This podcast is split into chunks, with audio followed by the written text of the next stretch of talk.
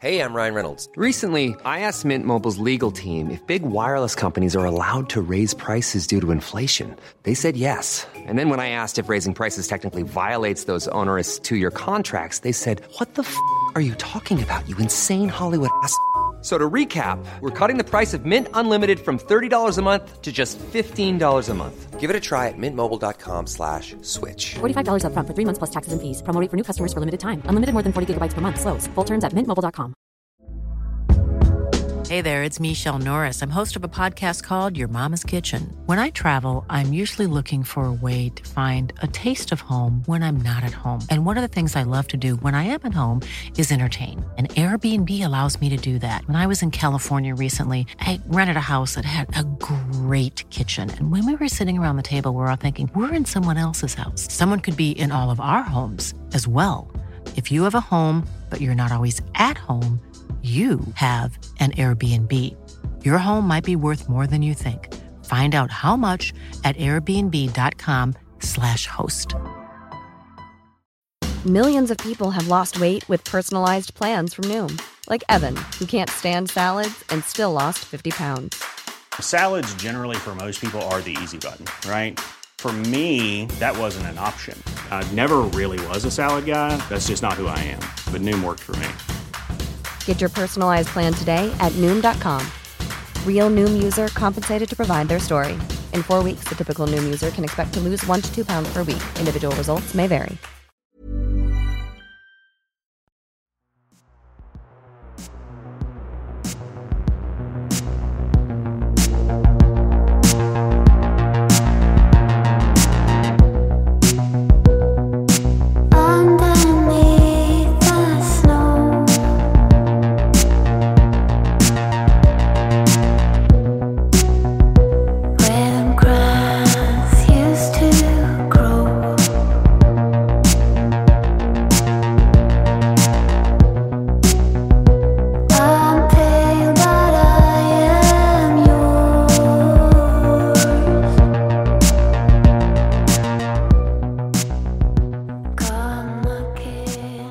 Olösta mord. Den persiska prinsessan. Varning för att vissa uttal i den här berättelsen är ganska krångliga.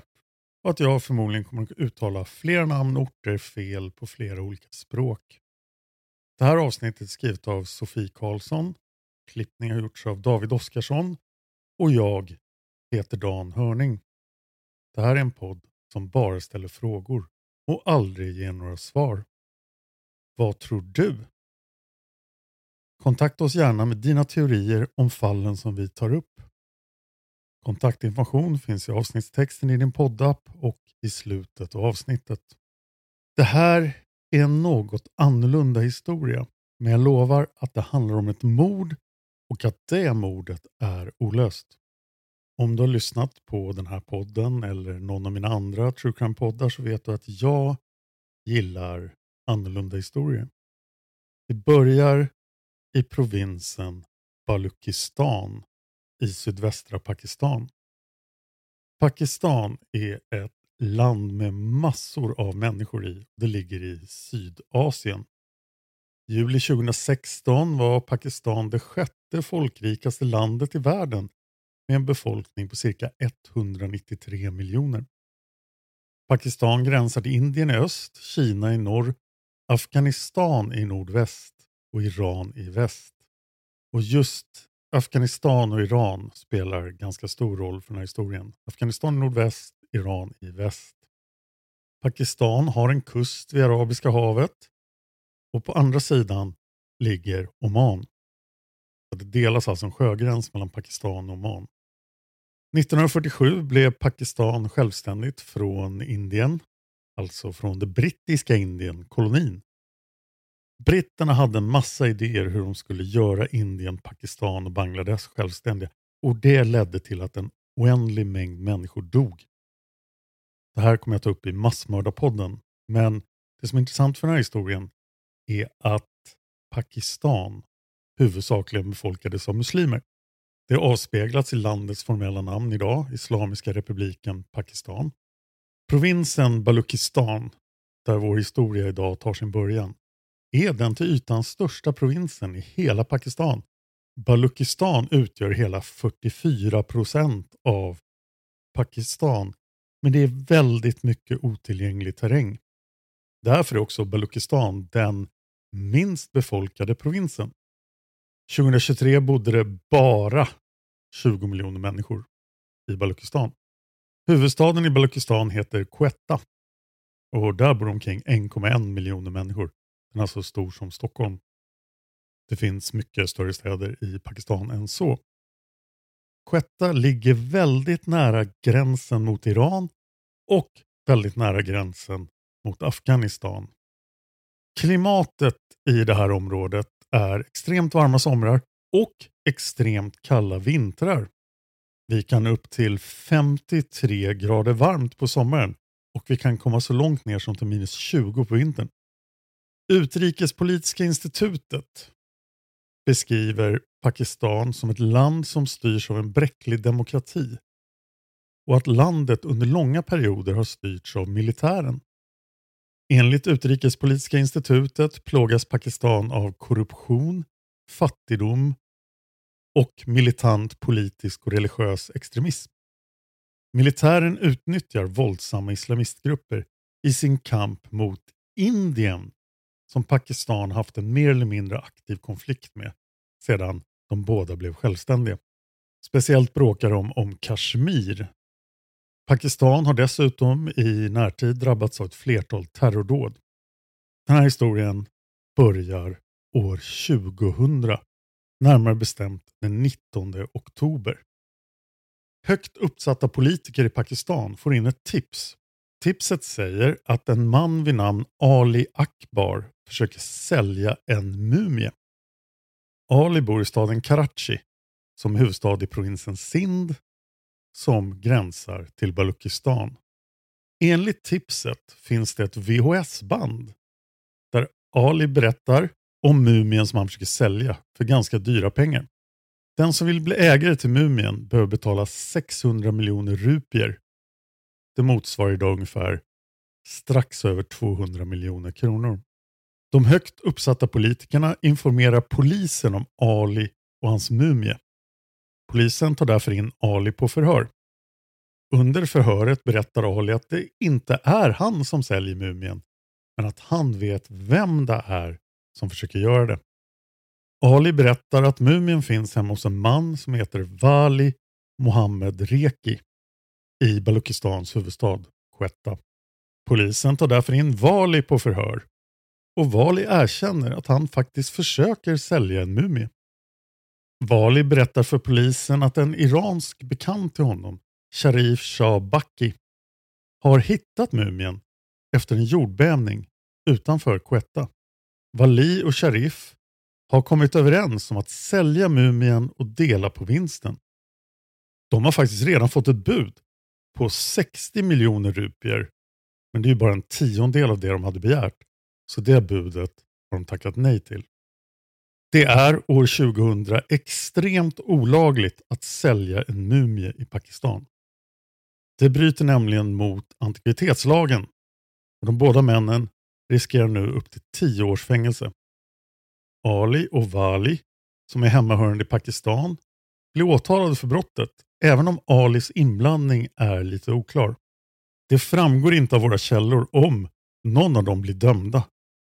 Däremot vet vi att Sharif, som ju kom från Iran, inte blir åtalad för sin inblandning i mumieförsäljningen. Under utredningen listar polisen ut var mumien är och beslagta den. Nu påbörjas arbetet med att försöka identifiera vem det är som har blivit mumifierad och när. En vecka efter att tipset kom in, den 26 oktober 2000, fraktas mumien till Nationalmuseet i Karachi. Media är väldigt intresserade. Arkeologen Ahmed Hassan Dani håller en presskonferens för att berätta mer om mumien för media. Ahmed tillhör universitetet Quad-e-Assam i Pakistans huvudstad Islamabad. Ahmed informerar pressen att eh, Mumin är lindad på ett egyptiskt vis och vilar i en träkista. På kistan finns det kilskrift ingraverad och dessutom bilder av den zoroastriska guden Ahura Mazda. Kilskriften är alltså ord och stavelseskrift från Mesopotamien. Det användes från cirka 3200 år före vår tideräkning till cirka 75 år efter. Ahura Mazda betyder ungefär den höga visheten eller vishetens herre. Och han är inom zoroastrismen den högsta guden förknippad med himlen. Han påminner lite grann om Lord of Light i Game of Thrones. faktiskt. Hur gammal zoroastrianismen är har vi pratat om i min historiepodd Fan of History. Det finns många paralleller mellan den här historien och saker jag pratat om i Fan of History. Så jag kommer att återkomma till det. Arkeologen Ahmed hävdar att det finns tydliga tecken på att mumien är en persisk prinsessa från omkring 600 före vår tideräkning. Vi har gjort hela 600-talet i Fan of History, så lyssna gärna på de avsnitten. Så får ni se kontexten som den här mumien ska ha kommit ifrån. Nationalmuseet gör en närmare undersökning av mumien. De informerar media att eh, kvarlevorna har legat ovanpå en matta belagd med en blandning av vax och honung. Mumien har täckts av en stenplatta med ytterligare kilskriftsinskriptioner som visar att hennes namn var Kor Ulgayan eller Tundal Gayan. Enligt arkeologen Ahmad kan mumien ha varit dotter till Karosh Ul Kabir som var den första härskaren i Persiens Kamam Ul Nishian-dynasti. Det här förvirrade mig otroligt. När man googlar på någonting av det här så hittar man inga träffar som inte har med det här fallet att göra. Och vi har som sagt poddat om Persien från år 600 före vår tideräkning. Och den här dynastin känner inte jag igen. Och därför gillar jag nästa teori som arkeologen Ahmed kommer med. Och alternativt, säger Ahmed, kan mumien vara en egyptisk prinsessa gift med en persisk prins under Cyrus Koresh den förstas regeringstid. Vilket är lite oklart när det var, men förmodligen runt 640 till 590 före vår tidräkning. Och han har vi pratat om. Cyrus den förste, Cyrus Koresh, olika namn på honom. Det är inte den berömda personen med det namnet, utan det är den andra. Hur mumien kom till Quetta är Ahmeds och museets arkeologer osäkra på. Nationalmuseets högsta chef Asma Ibrahim menar att mumien kan ha plundrats från en grav i västra Iran eller det sydvästra pakistanska området Karan. Nu pratar vi alltså att det är en mumie mumifierad på egyptiskt vis och det här är sent i Egypten. Väldigt sent. Alla mumier som ni tänker på kommer från långt tidigare i Egypten än 600 före vår tidräkning. Nu dröjer det inte länge innan den iranska kulturarvsorganisationen vaknar till. Om nu mumien har varit en del av den persiska kungafamiljen så tillhör hon ju Iran. Om inte Pakistan frivilligt överlämnar mumien kommer Iran inte att backa från att vidta rättsliga åtgärder genom Unesco för att få tillbaka sin mumie. Unesco är FNs organ för utbildning, vetenskap och kultur. Pakistan vill inte lämna ifrån sig mumien. Den högsta chefen för Pakistans arkeologiska myndighet svarar citat Mumien hittades i Quetta i Baluchistan-provinsen och det är 100% Pakistans territorium. Därför tillhör mumien Pakistan. Slutcitat. Iran meddelar att de har anmält det här till Interpol, den internationella polismyndigheten, för att kunna få tillbaka sin mumie. Pakistans utrikesminister varnar då för att det kommer att gå politik i den här frågan och det är inte bra. Och då vaknar den tredje grannen i området och det är talibanerna. Det här är ju 2000 så det är första talibanstyret i Afghanistan. De vill också ha mumien. Talibanerna kräver att få skicka sina arkeologer. Och det här förvånade mig stort. Har alltså talibanerna arkeologer? Samma talibaner som förstörde buddha-statyerna. Men det har de tydligen. Quetta ligger nära Afghanistan och därför vill talibanerna skicka sina arkeologer för att avgöra om det kanske är Afghanistans mumie. Dessutom börjar myndigheter i Pakistan bråka sinsemellan. Mumien hittades i Balukistan men just nu befinner sig i Sind. Vilken delstat av Pakistan är det egentligen som äger mumien? En petition lämnas in till Balukistans högsta domstol. Den kräver att prinsessan ska återföras till Quetta. Dessutom hävdas det att polisrazzian där mumien beslagstod var olaglig och att den åtgärden har citat spridit panik bland folket i Balukistan som känner sig berövade sitt kulturella, historiska och värdefulla arv. Slutcitat. Alla vill ha mumien. Trots både den interna och externa maktkampen om vem mumien tillhör finns det tecken på att Pakistan inte riktigt vet vad det är de kämpar för. Exempelvis vill inget försäkringsbolag försäkra fyndet eftersom det inte går att avgöra exakt vem som blivit mumifierad, när eller ens var.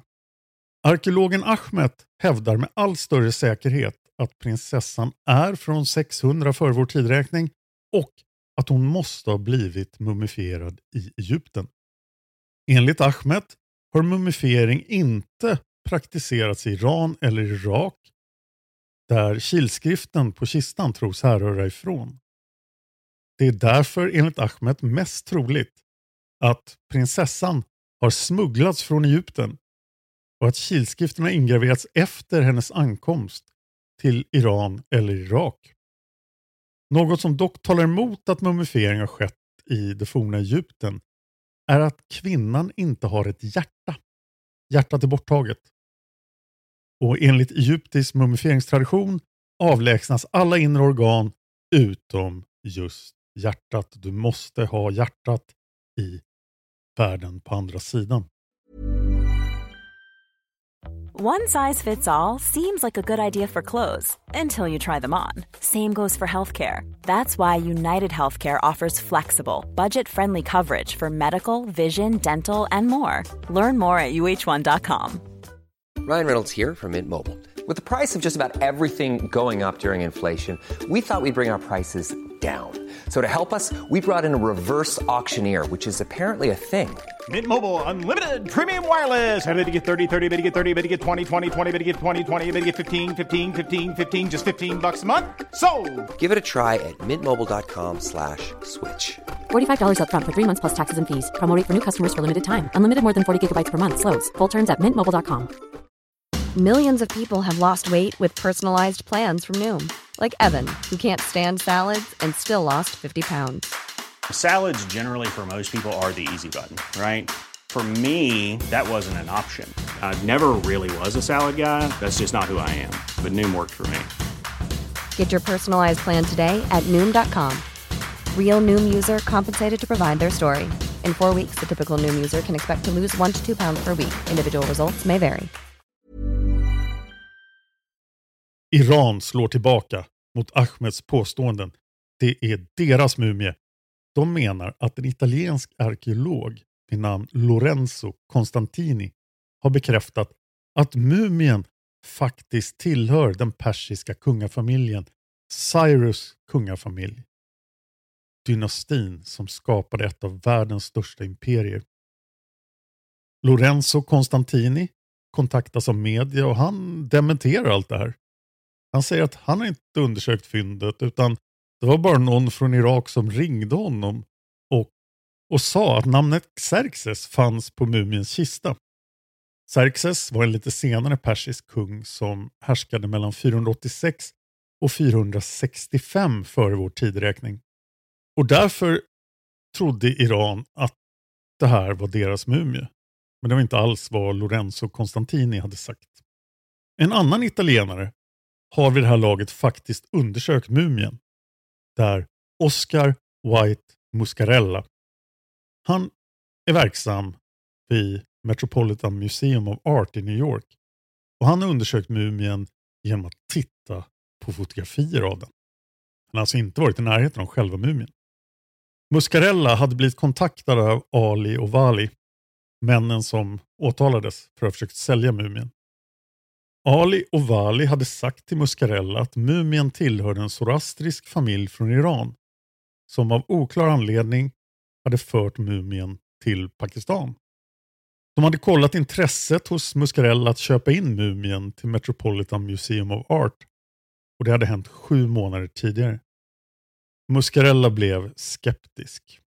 Han hade tittat på kilskriften och läst texten citat ”Jag är Xerxes dotter”. Slutcitat. Så nu är mumien alltså hundra år yngre än vad den sades vara tidigare. Muscarella antog att det här var ett bedrägeri och eh, han tyckte att det såg ut som att kilskriften hade gjort, den hade ingraverats på 1900-talet, alltså ganska nyligen. Männen i Pakistan hade skickat en liten bit av kistan till Muscarella och han undersökte det noggrant och allting tydde på, tyckte han, att kistan inte kunde vara äldre än 250 år. Det vill säga absolut inte 2500 år gammal. Muscarella hade då brutit all kontakt med Ali och Vali. Han var helt säker på att det här var ett bedrägeri. Dessutom hade Muscarella kontaktat Interpol för att anmäla bedrägeriförsöket. Samma Interpol som nu alltså försöker få tillbaka mumien för Irans räkning om Iran får bestämma. En månad efter Ahmeds första presskonferens uttalar sig talibanernas informations och kulturminister Quadratullah Jamal. Quadratullah säger att smugglare har erkänt att de hittade mumien i sydvästra Afghanistan vid den iranska gränsen och sen tog de den till Pakistan. Det här är enligt Kudratulla otvivelaktiga bevis från smugglarna. Därför är mumien talibanernas egendom och den bör återlämnas till Afghanistans folk. Iran och Pakistan bryr sig inte så mycket om vad talibanerna säger i det här fallet. I början av januari 2001 hävdar Iran att de har haft arkeologer på plats i Pakistan och de har nu undersökt mumien. De iranska arkeologerna har bekräftat att mumien är en persisk prinsessa som därmed tillhör Iran. Så Muscarella sa att det var fejk, men Iran säger att det är en riktig persisk prinsessa från 600 eller 500-talet före vår tidräkning. Konflikten mellan Pakistan, Afghanistan och Iran om vem mumien tillhör eskalerar. Men plötsligt händer någonting som inget av länderna har räknat med. Och Det händer den 14 januari 2001. Nationalmuseet i Pakistans högsta chef Asma Ibrahim släpper en omfattande rapport angående mumien. Det har nu gått cirka tre månader sedan tipset kom in om att mumien var till salu. Asma Ibrahim, som själv har undersökt mumien, berättar i sin rapport att det är 100% säkert att det inte rör sig om en persisk prinsessa från 600 år före vår tidräkning. Asma påtalar att arkeologerna hittat svamp på kroppen. Svampen har blivit mumifierad. Det indikerar att personen i kistan har dött några år innan hon hittades. Mattan som kroppen har legat på har via tester visats vara fem år gammal. Enligt Asma mumifierades kvinnan när hon var mellan 21 och 25 år gammal. Dödsorsaken verkar vara ett hårt slag mot nacke och eller ryggraden. Hon kan ha blivit påkörd av en bil. Hennes tänder har tagits bort efter döden och hennes höftled, bäcken och ryggrad har skadats. innan kroppen hade fyllts med pulver. Nämnvärt här är att egyptierna ofta fyllde kropparna med en specifik typ av salt för att torka ut dem. Det här pulvret som används verkar vara ett substitut för detta ganska specifika salt. Men den som har mumifierat kroppen verkar ha försökt följa gamla egyptiska regler för mumifiering. Det är nu uppenbart för Pakistans polis att det här inte rör sig om en mumie utan om ett mord. Eller ett dråp. Eller ett vållande till annans död. Så med anledning av Asmas rapport inleds en mordutredning. Och nu får till slut en rättsläkare undersöka kroppen istället för arkeologer. Det första som rättsläkaren noterar är blonda hårstrån. Vid närmare undersökning visade det sig att kvinnan hade grått hår med blonda toppar. Det skulle möjligtvis kunna tyda på att hon var äldre än 25 år när hon dog. Men det verkar fortfarande vara konsensus bland experter att hon var i 21-25 års åldern. Och det går ju faktiskt att bli gråhårig innan 25. Kvinnans dödsorsak är inte helt fastställd. Kvinnans nacke och eller ryggrad är svårt skadade. Och Asmas tidiga bedömning var att hon kunde bli påkörd av ett fordon och det kan stämma. Hon kan även ha fallit från en hög höjd eller befunnit sig i en byggnad som har rasat. Hon kan även ha blivit utsatt för omfattande våld mot rygg och nacke, exempelvis med ett baseballträ eller liknande. Enligt rättsläkaren dog kvinnan fyra år innan hon hittades. Alltså ungefär 1996. Hennes kropp blev mumifierad bara två år innan hon hittades. Alltså 1998. Kvinnans identitet går i det här skedet inte att fastställa. Och när du lyssnar på avsnittet så är det fortfarande ingen som vet vem hon är. Eller i alla fall när jag spelar in det här avsnittet. Det finns ett antal teorier om vem kvinnan är och vad som har hänt henne. En teori är att kvinnan var med om en olycka och att hennes familj senare sålde hennes kvarlevor till personerna som mumifierade henne i syfte att begå bedrägeriet. En annan teori är att kvinnans kropp stals av gravplundrare och sedan mumifierades den i syfte att begå bedrägeriet. Kommer du ihåg klimatet i Baluchistan? Det är ganska svårt att bevara mänskliga kvarlevor i Baluchistan.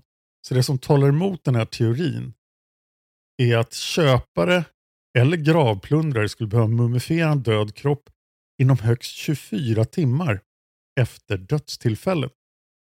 Om kroppen redan hade hunnit begravas är det troligt att det gått betydligt längre än 24 timmar innan gravplundrarna fick tag i den. En annan teori är förstås att kvinnan har blivit mördad. Motivet tros vara samma som varför någon skulle köpa eller plundra sig till en död kropp. Bedrägeri. Mordteorin baseras på att någon ville mumifiera en kropp för att tjäna pengar och därför behövde en färsk kropp. Enligt vissa källor är det här en sorts organiserad brottslighet som finns just i gränserna mellan Pakistan, Iran och Afghanistan. Det här är alltså inte det enda fallet, utan det här är en återkommande verksamhet och kvinnan kan vara långt ifrån det enda offret. En väldigt märklig detalj är tiden som gick mellan att kvinnan dog och att hon mumifierades. Den rättsmedicinska undersökningen visade att hon dog 1996 och blev mumifierad 1998. Vad hände däremellan?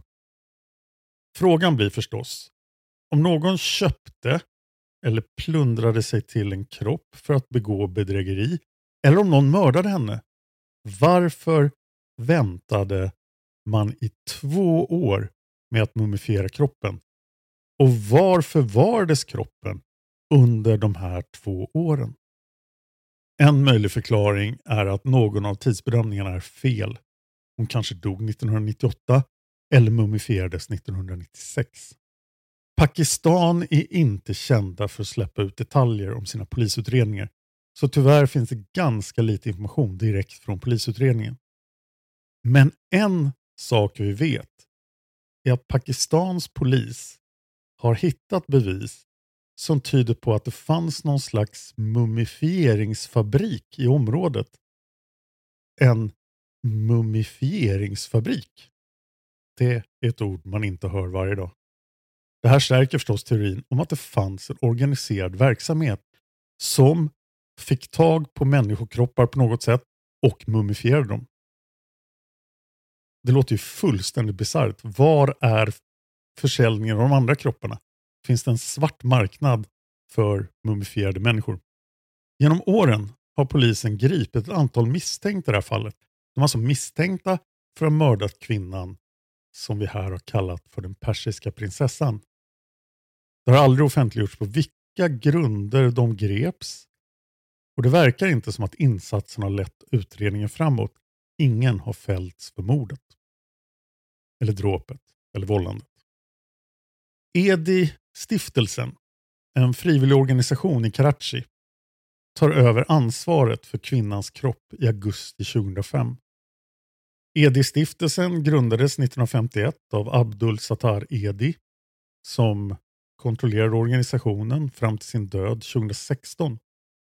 Hans fru Bilquis Edi var sjuksköterska och satt med i styrelsen för Edi-stiftelsen. Bilquis Edi har betytt mycket för kvinnor och barn i Pakistan på grund av att hon har varit med och utvecklat landets mödraskapsvård och övervakning av adoptionsregler. Edi-stiftelsen finns än idag. Det är en organisation som alltid är öppen och erbjuder framförallt vård till flyktingar och desertörer, sjukvård, rehabilitering för narkotikamissbruk samt skydd till föräldralösa barn och våldsutsatta kvinnor. Organisationen är känd för sitt humanitära och inkluderande arbetssätt. En grundtanke i stiftelsen är att de hjälper människor oavsett etnicitet, religiös tillhörighet och socioekonomisk status. Edi-stiftelsen begraver den persiska prinsessan 2008. I augusti 2016 skapar konstnären Hailey Greenfield en utställning om den persiska prinsessan i Jerusalem. Utställningen heter just Den persiska prinsessan. Greenfields utställning är en hyllning till kvinnan som alla var intresserade av när de trodde att hon var en persisk prinsessa och som alla tappade intresset för när de insåg att hon förmodligen bara var ännu ett kvinnligt mordoffer. Jag finns på Instagram, följ mig gärna där. Jag heter Dan Hörning, så är lätt att hitta. Där presenterar jag information om alla mina poddar. Det gör jag även på det som förut hette Twitter men nu heter X. Om du har en teori om något av fallen vi har tagit upp så kan du mejla den till simwaypodcast.gmail.com Simway med Z. Simwaypodcast.gmail.com Om du vill önska ett fall, om du vill att vi tar upp ett specifikt olöst mord, då ska du göra det i ett formulär. Det formuläret når nämligen de som faktiskt beslutar vilka fall vi ska ta upp, manusförfattarna. Det lättaste sättet att hitta formuläret där du kan önska seriemördare, massmördare, olösta mord eller vilka mord som helst till Mördarpodden då, finns på Mördarpoddens Instagram i länkträdet. Tack till Sofie Karlsson som har skrivit det här avsnittet. Tack till David Oskarsson som har klippt det. Och tack till dig för att du lyssnar på Olösta mord.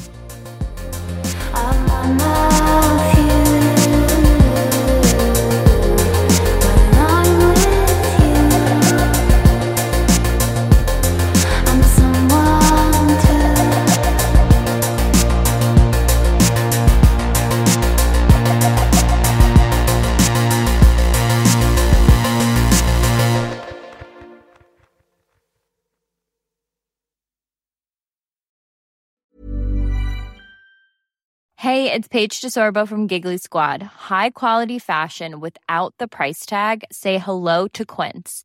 I'm snagging high-end essentials like cozy cashmere sweaters, sleek leather jackets, fine jewelry, and so much more. With Quince being 50 to 80% less than similar brands. And they partner with factories that prioritize safe, ethical, and responsible manufacturing. I love that. Luxury quality within reach. Go to quince.com slash style to get free shipping and 365 day returns on your next order. Quince.com slash style. Planning for your next trip? Elevate your travel style with Quince. Quince has all the jet setting essentials you'll want for your next getaway, like European linen, premium luggage options, buttery soft Italian leather bags, and so much more. And is all priced at 50 to 80% less than similar brands. Plus, Quince only works with factories that use safe and ethical manufacturing practices. Pack your bags with high-quality essentials you'll be wearing for vacations to come with Quince. Go to quince.com/pack for free shipping and 365-day returns. Treat mom to healthy, glowing skin with Osea's limited edition skincare sets. Osea has been making clean, seaweed infused products for nearly 30 years. Their Golden Glow body set includes three clinically proven bestsellers for smooth, glowing skin, while the Glow and Go facial set provides spa level results at home. Both sets come in giftable boxes with savings up to $48 and free shipping for a limited time. For 10% off your first order site wide, go to OSEAMalibu.com and use code MOM.